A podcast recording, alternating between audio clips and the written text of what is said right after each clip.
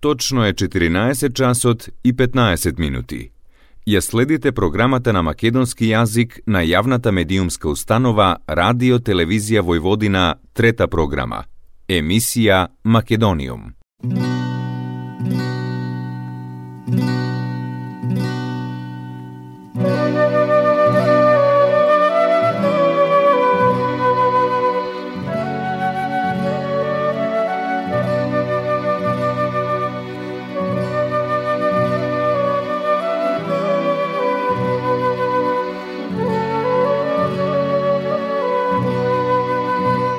Македониум.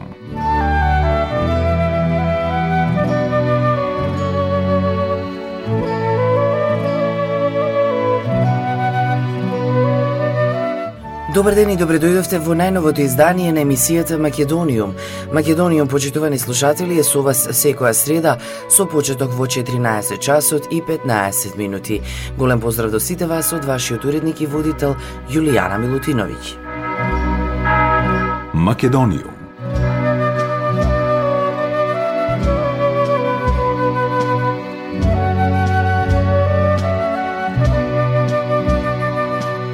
Во рамките на проектот од секогаш сега и за секогаш на македонската компанија Inbox, првпат ќе се овозможи дигитализирање на повеќе од 5 милиони оригинални записи, стари над 500 години, со кои располага Институтот за македонски јазик Крсте Мисирков. Решението беше избрано во рамките на јавниот повик дигитализација на картотеките при Институтот за македонски јазик Крсте Мисирков, кој го спроведе Фондот за иновации и технолошки развој во соработка со Македонското Министерство за култура со цел адекватна заштита и унапредување на македонското културно наследство. Проектот во обем опфаќа 9 картотеки со уникатно изразени записи кои во моментот се чуваат во картонски кутии, несоодветно заштитени од сите форми на ризици од оштетување и уништување. Картотеката располага со стотици илјади зборови од стари ракописи пишувани со векови во македонските цркви и манастири, неколку милиони милиони ливчиња со зборови кои што се користат во секојдневното зборување на македонскиот народ, односно диалекти карактеристични за над 400 населени места.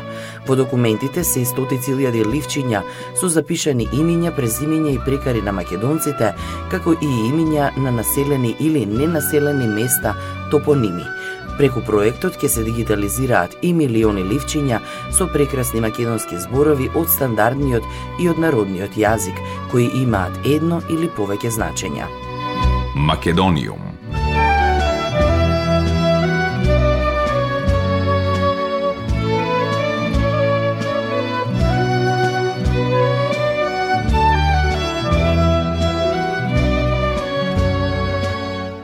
Три награди освои представата Самоубиство во самоодбрана работена според истоимениот драмски текст на Маријан Ангеловски на деветото издание на театарскиот фестивал Лектирики XU во организација на Народната библиотека Раде Драинец во Ниш.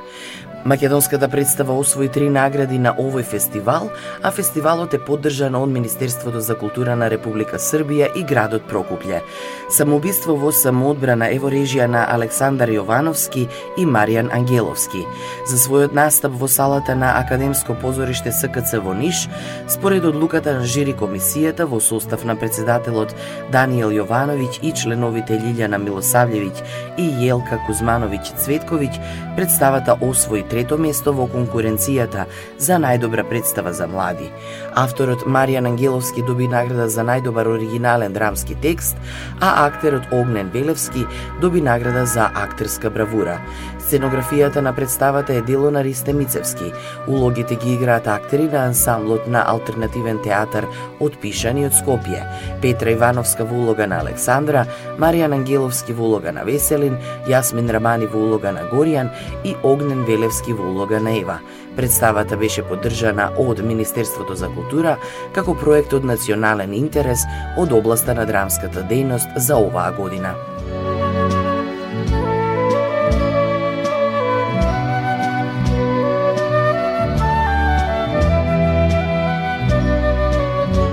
Македониум.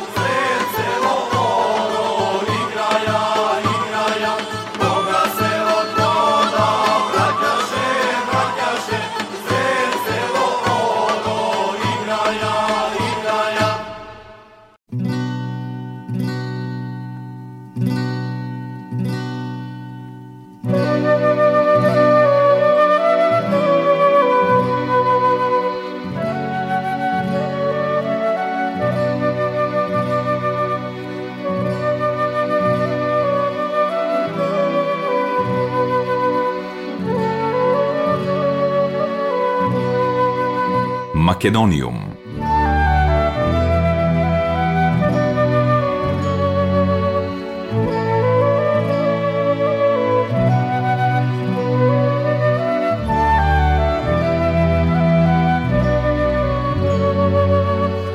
Косовскиот филм Улиште, дебито на режисерката Блер Табашоли, во кој и Македонија е копродуцент, влезе во потесниот избор од 15 филма, од кои ќе се изберат 5 за номинација за Оскар во категоријата најдобар меѓународен филм. Американската филмска академија ја објави прелиминарната листа во 10 категории, меѓу кои и за најдобар документарец и анимиран филм. Улиште е копродукција помеѓу Косово, Македонија, Швајцарија и Албанија. Филмот е за жена од Косово, чиј сопруг исчезнал во Косовската војна и која се бори против патриархалното општество за да ја одржи својата фирма. Македонски копродуценти Црна мачка продукција и продуцентите Кристијан Буровски и Томи Салковски, а беше поддржан од Македонската агенција за филм. Улиште во февруари освои три награди на фестивалот Sundance, најголемиот независен авторски е, филмски фестивал во Соединетите Американски држави. Македонскиот кандидат за Оскар Сестри не влезе во прелиминарниот избор. На прелиминарната листа од 15 филма во категоријата најдобар меѓународен филм се е и австрискиот Голема слобода, Игралиште од Белгија, Лунана, Јак во училиште од Бутан, Бегство од Данска, кој е и на листата за најдобар документарец, Купе број 6 од Финска, Јас сум твојот човек од Германија, Јагне од Исланд, Херој од Иран, Божја рака на Паоло Сорентино од Италија, Вози ми ја колата од Јапонија, Молитви за украдените од Мексико, Најлошиот човек на светот од Норвешка, Катедралата Плаза од Панама и Добар шеф од Шпанија. Номинациите за Оскар ќе бидат објавени на 8 февруари, а доделувањето е на 27 март следната година. Македониум.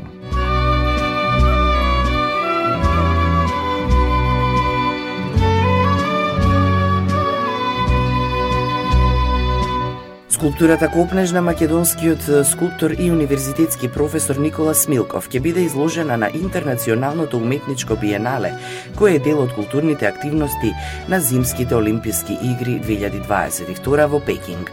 Смилков за Македонската информативна агенција вели дека неговото дело е селектирано за учество на престижното девето интернационално уметничко биенале во Пекинг, што ќе се одржи од 18 јануари до 1 март 2022. Тој посочува дека меѓународното уметничко биенале во Пекинг е настан кој традиционално се одржува, а оваа година сегмент од уметничкиот дел на одбележувањето на зимските олимписки игри. Моето дело Копнеш беше избрано во строгиот селекцијски процес од неколку селекциони нивоа. За мене представува особено задоволство и чест да бидам дел од ваква значајна манифестација. Делото ми беше понудено да го ставам во трајната колекција на Биеналето, што ќе остави траен белег за ова остварување и уметничко представување мое и на мојата земја, вели Смилков. Инаку скулптурата Копнеш е изработена годинава од бронза. Тој годинава во конкуренција на 78 уметници од 20 земји ја освои гран при наградата во Будва.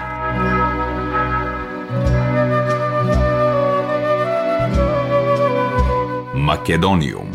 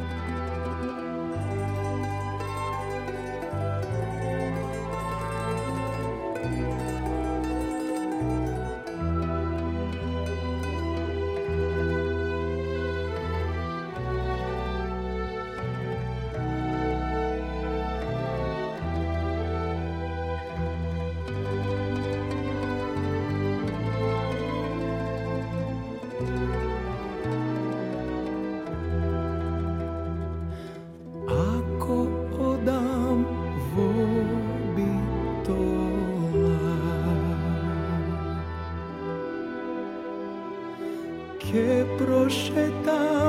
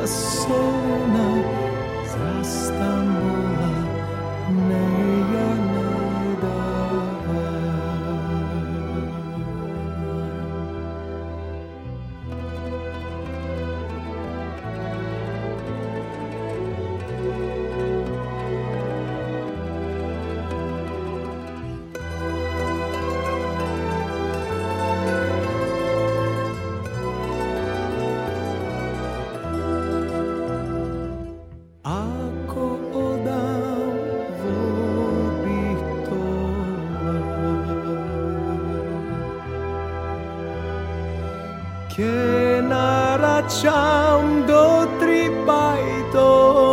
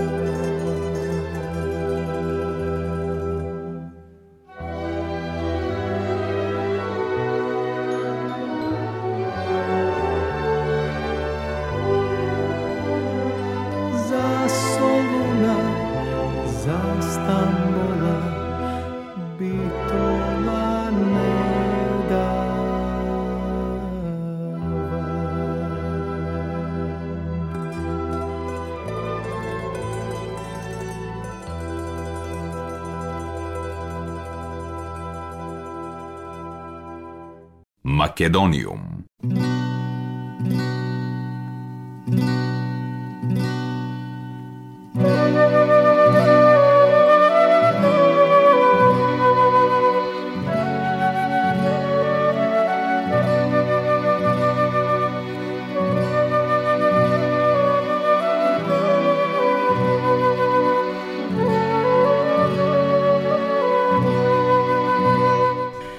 На 25 декември 1903 година во Софија, пред точно 118 години, излегла од печат книгата за македонските работи од македонскиот публицист и лингвист Крсте Петков Мисирков. Книгата на Мисирков ја разоткрива асимилаторската политика на соседните земји, насочена против македонскиот народ и против македонскиот јазичен, културен и етнички идентитет. Во неа Мисирков ја истакнува и заштитува националната индивидуалност на македонскиот народ и неговото право на самостоен културен и национален развој. На едно место во книгата пишува: Македонците како посебен словенски народ што низ вековите ја делел судбината заедно со соседните словенски и несловенски народи, си имаат собствена национална историја и култура.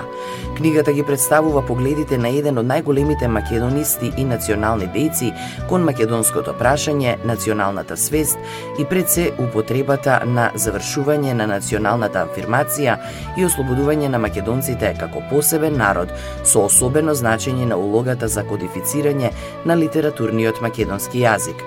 Во книгата се обработуваат тематики поврзани со основање на стандарден македонски јазик, правопис и азбука во контекст на изнесениот политиколошки поглед на тогашната актуелна политичка состојба во Македонија по Илинденското востание, како и научно-теоретски погледи за самобитноста и посебноста на македонскиот народ со историски пристап кон настанокот на другите европски и словенски народи со единствена замисла и цел за национална афирмација на македонскиот народ во современа македонска модерна европска нација со својата слободна, целовита и независна држава Македонија.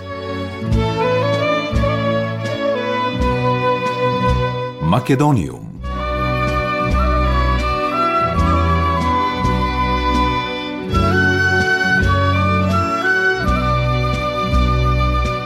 Кавадарци во саботата одбележа 78 години од раѓањето на Зафир Хаджиманов, музичар, музички композитор, шоумен и актер. Тој бил роден на денешен ден во 43 година. По завршувањето на средното образование завршил факултет за драмски уметности во Белград во 67 година. Покрај тоа што беше музичар, имаше одиграно и неколку главни улоги во македонски и југословенски играни филмови.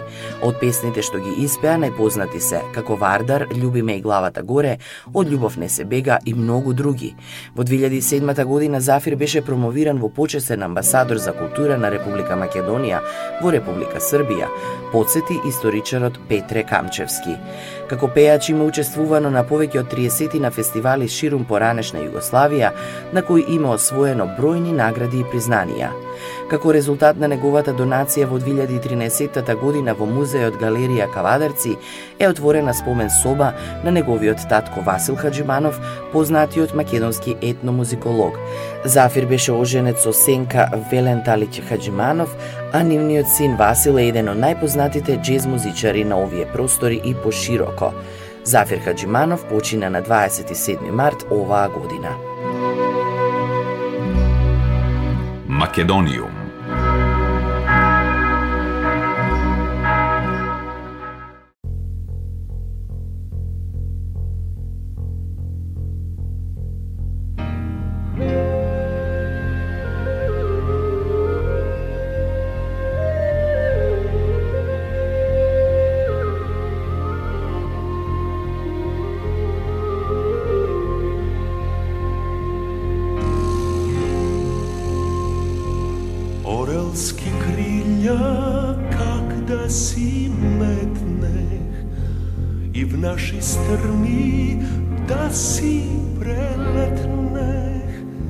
на наши места ја да си идам да видам Стамбул кукуш да видам да видам Стамбул кукуш да видам да видам дали сонце и тамо угревјат мрачно како и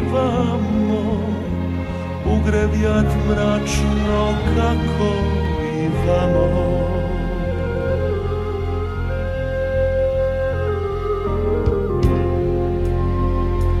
Ako kak ovde sence me stretit, ako pak mračno sence to svetit, ке се стегнам И в други страни ке си побегнам И в други страни ке си побегнам Каде сонцето светло угревјат Каде небето звезди посевјат Каде небето звезди посевјат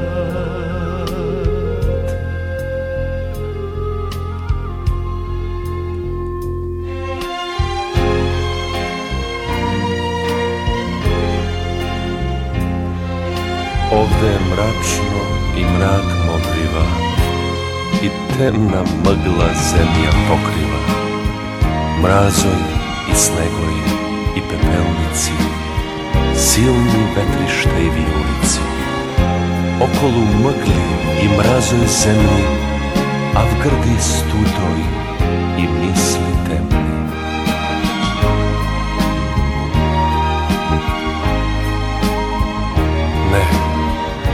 Ja ne možem ovde da sedam.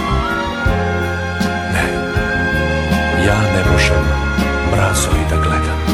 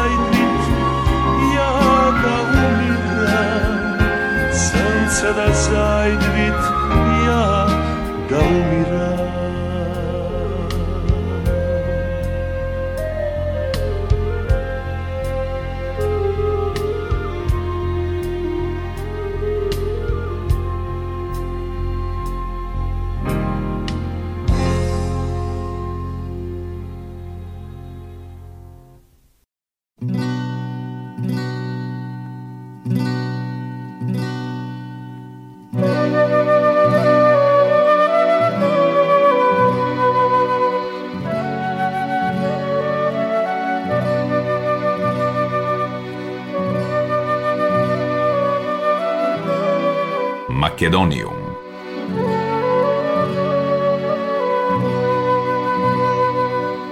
Почитувани слушатели, тоа беше се во денешното издание на емисијата Македониум.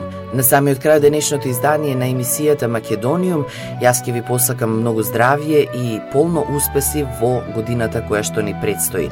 Среќна нова 2022 година, се слушаме повторно следната среда во исто време.